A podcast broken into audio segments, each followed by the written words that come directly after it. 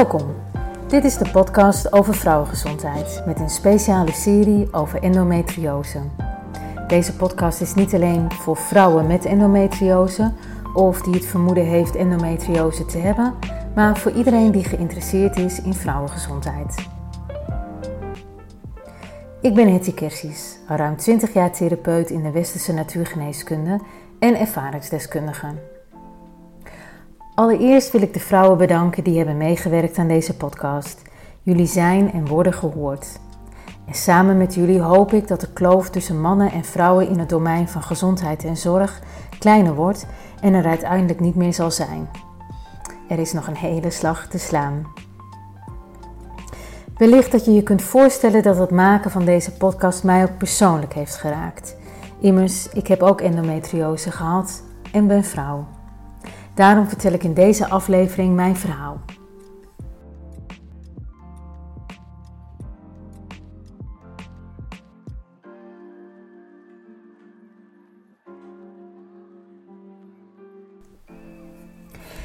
Ik was al jong aan de pil, maar ook jong er weer af. Na een paar jaar hield ik het slikken van de pil voor gezien. Het paste niet bij mij. Ik vergat hem de helft van de tijd en het voelde gewoon niet goed. Van huis uit heb ik geen kennisoverdracht ontvangen als het gaat om menstruatie of vruchtbaarheid, maar ik had al snel het idee dat ik het goed zelf bij kon, kon houden. Met in mijn achterhoofd wetende dat ik het ook kon dragen als ik wel zwanger zou worden. Niet dat dat de gedachte was die nu aan de oppervlakte was hoor in mijn leven, maar ik wist het wel van mezelf. In 2001 begon ik aan de studie voor westerse natuurgeneeskunde. Tot op de dag van vandaag werk ik als therapeut en ben ik ook dankbaar dat ik die kennis op persoonlijk vlak in mijn leven kan toepassen. In 2010 ben ik bevallen van onze zoon. En terugkijkend heeft mijn vrouwenlijf me nooit in de steek gelaten. Of laat ik het anders zeggen, heb ik de taal van mijn lichaam wel begrepen. Niet dat ik daar altijd naar luisterde en op anticipeerde, maar toch. Ik had wel een bepaald lichaamsbewustzijn. In 2017 besloten mijn man en ik na 23 jaar uit elkaar te gaan. We gingen nog niet scheiden, maar we verkochten ons huis om ieders op een eigen plek te kunnen wonen. Dat was al stressvol genoeg, maar in 2019 sloeg het noodlot toe. Na twee maanden ziektebed is mijn man overleden aan longkanker. Deze jaren hadden zo zijn effect op mijn maandelijkse cyclus. Ook kon ik op dat moment niet altijd plaatsen, ja, stress gerelateerd, maar er waren menstruaties dat de bloedingen zo heftig waren dat doorlekken bijna niet te voorkomen was. En ik voelde ook wel iets in mijn buik, wat ik eerder niet had. In december van 2019 ben ik voor het eerst naar de gynaecoloog geweest om te checken wat het zou kunnen zijn. Volgens de gynaecoloog die de echo maakte, bleken er kiestes te zitten, maar die gingen vanzelf weer weg. Naast pijn, heftige bloedingen bleef ook de vermoeidheid. En alles bleef ik maar herleiden aan de stress en heftige jaren. Tot 19 maart 2020. Ochtends voelde ik bij het opstaan dat het mis was. Ik had ontzettend veel pijn. Het leek wel een mix van heftige blaasontsteking en baringsweeën. Ik stond op de kop. Uiteindelijk lag ik die middag op de operatietafel voor een diagnostische buikoperatie. Ik bereidde me in gedachten voor op de mogelijkheid dat bij het ontwaken uit de narcose eierstokken en baarmoeder verwijderd zouden kunnen zijn. Dat was gelukkig niet het geval. Er werden een aantal kiesten verwijderd en ik werd wakker zonder blinde darm. Deze was ontstoken en enorm vergroot. Ik was opgelucht. Ik weet nog dat ik een vriendin na de operatie aan de telefoon had en haar vertelde dat ik me vooral ook schoon voelde. Er is iets uit. Het voelde als het eind van al die heftige jaren. Daar kon geen vaste kuur tegenop, grapte ik. Zo'n herstel van een buikoperatie vond ik zwaar. Al snel ging ik over op natuurlijke pijnstilling met een tinctuur van Salix alba, wilgeschors en wietolie kwam ik de dagen en nachten door. Mijn buik hielde. Na twee weken werd ik gebeld door de chirurg. Geen goed nieuws. De blinde darm had vol met neuroendocrine kanker gezeten. Het goede nieuws was dat deze met schone snijvlakken eruit gehaald was. En tijdens de diagnostische operatie zijn er geen kankercellen in de buik gevonden. Een waslijst aan protocollen en mogelijkheden werden besproken. Theoretisch gezien was de kanker uit mijn lichaam. Daar was de chirurg het ook mee eens. Dat was dus ook het verhaal wat ik aan mijn zoon kon vertellen. Theoretisch gezien was ik kankervrij. Binnen zes weken zou ik me moeten laten opereren om een deel van de darm en omliggend lymfeweefsel te verwijderen. Ik kon uiteraard psychische hulp krijgen, want kanker is niet niets. Zoals alle protocollen is dit protocol ook ontstaan om erger te voorkomen. De angst dat er toch ergens nog kanker in mijn buik zou zitten was natuurlijk best reëel. Maar hoe anders was deze kankersituatie in vergelijking met die van mijn man? Hij stond bij diagnose met 10-0 achter en eigenlijk was tijd zijn grootste vijand. Hoe anders ervoer ik het? Ik had tijd. Theoretisch gezien was ik schoon. Gevoelsmatig voelde ik dat dit niet het begin was van iets, maar een eind van een proces. Mijn lichaam was aan het herstellen. Dus ik vroeg tijd aan mijn chirurg. En ik wist ook dat vanuit de rol als patiënt ik geen keuzes kon maken. Ik wilde weer Hetty zijn, terug naar mijzelf. Ik heb een maand de tijd gekregen om over de situatie na te denken. Als Hetty, dus niet als patiënt. En eigenlijk wist ik al wat me te doen stond. Ik wilde niet nog een operatie, alleen maar voor de zekerheid. En daarmee een deel van de darm weg te halen en de lymfeklieren. Daarmee zou ik mijn lichaam alleen nog maar meer schade toebrengen. En begrijp me niet verkeerd, ook ik had angst. Want achteraf is het de beste keuze ooit geweest, maar op dat moment handel je ook vanuit het niet weten en haal je kracht en vertrouwen uit jezelf. Maar weten doe je het niet. De chirurg ging akkoord en hield mij het eerste jaar nauwlettend in de gaten via scans, bloed- en urineonderzoek. Nog steeds sta ik trouwens onder controle en ik hoef maar een seintje te geven en de hele zorgmachine wordt in gang gezet. Mijn zorg was en bleef mijn baarmoeder. Immers, het waren de baarmoederkrampen die mij hadden gewaarschuwd zodat tijdig de kanker is ontdekt en verwijderd. Life saving.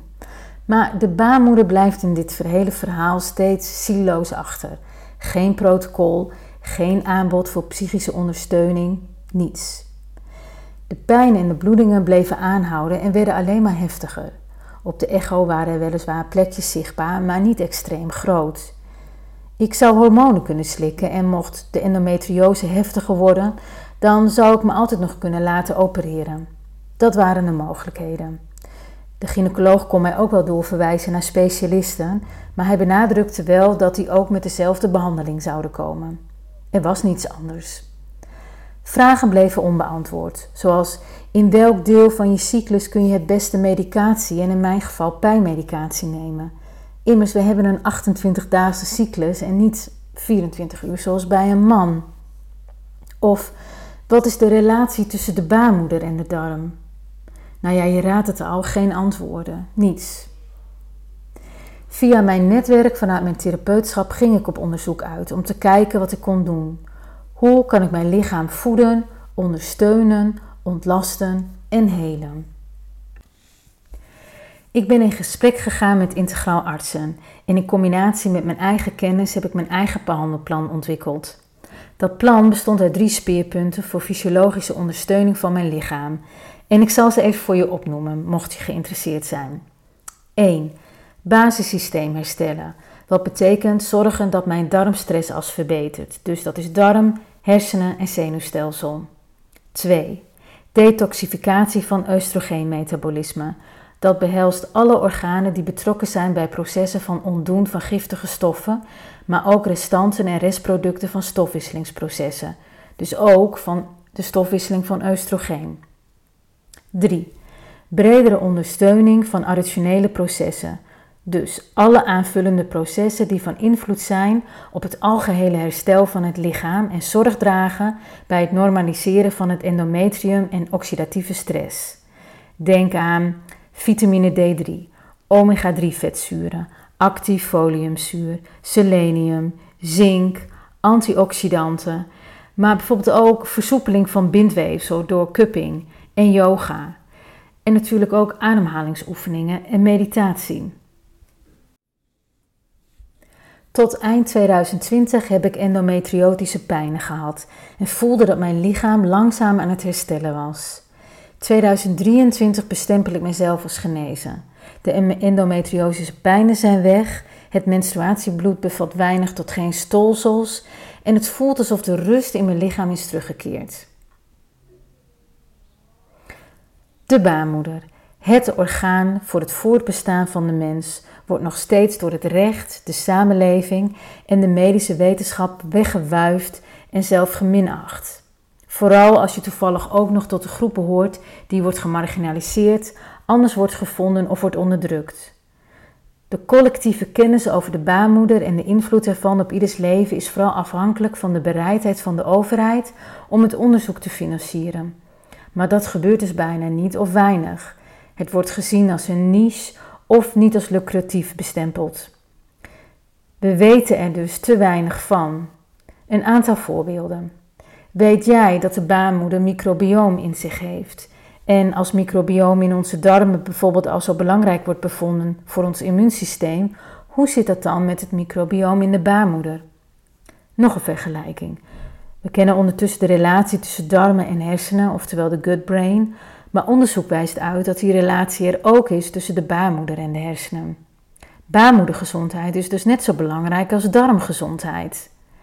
En dan nog iets. Misschien heb jij wel een donorcodiciel, maar wat weet jij van baarmoedertransplantatie? Bij mijn onderzoek voor deze podcastserie duik ik ook in het heftige verleden van de relatie tussen de medische wetenschap en het vrouwenlichaam en stuit ik bijvoorbeeld op de term reprocide, wat zoiets betekent als geweld aandoen via voortplantingsorganen. En lees ik over de relatie tussen hysterectomie, baarmoederverwijdering en systemische onderdrukking. Het besef groeit bij mij dat alleen meer aandacht voor endometriose ons niet verder zal helpen.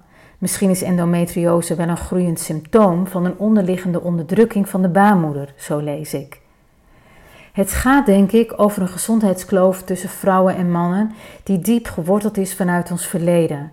Medische wetenschap, beleidsvorming, als ook medische technologie wordt veelal nog geregeerd door mannen. Er is gelukkig wel een toename van vrouwelijke ontwikkelaars, investeerders, beleidsmakers, wetenschappers en professionals. En zij zullen hopelijk een impuls geven en de maatschappelijke aandacht vergroten voor de achtergestelde positie van vrouwen. En dat kost tijd.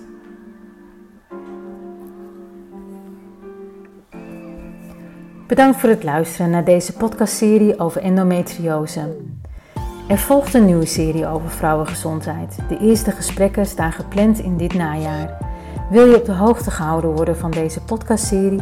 Schrijf je dan in voor mijn nieuwsbrief via hettykersies.nl. Je kunt me ook volgen op Instagram, LinkedIn of Spotify.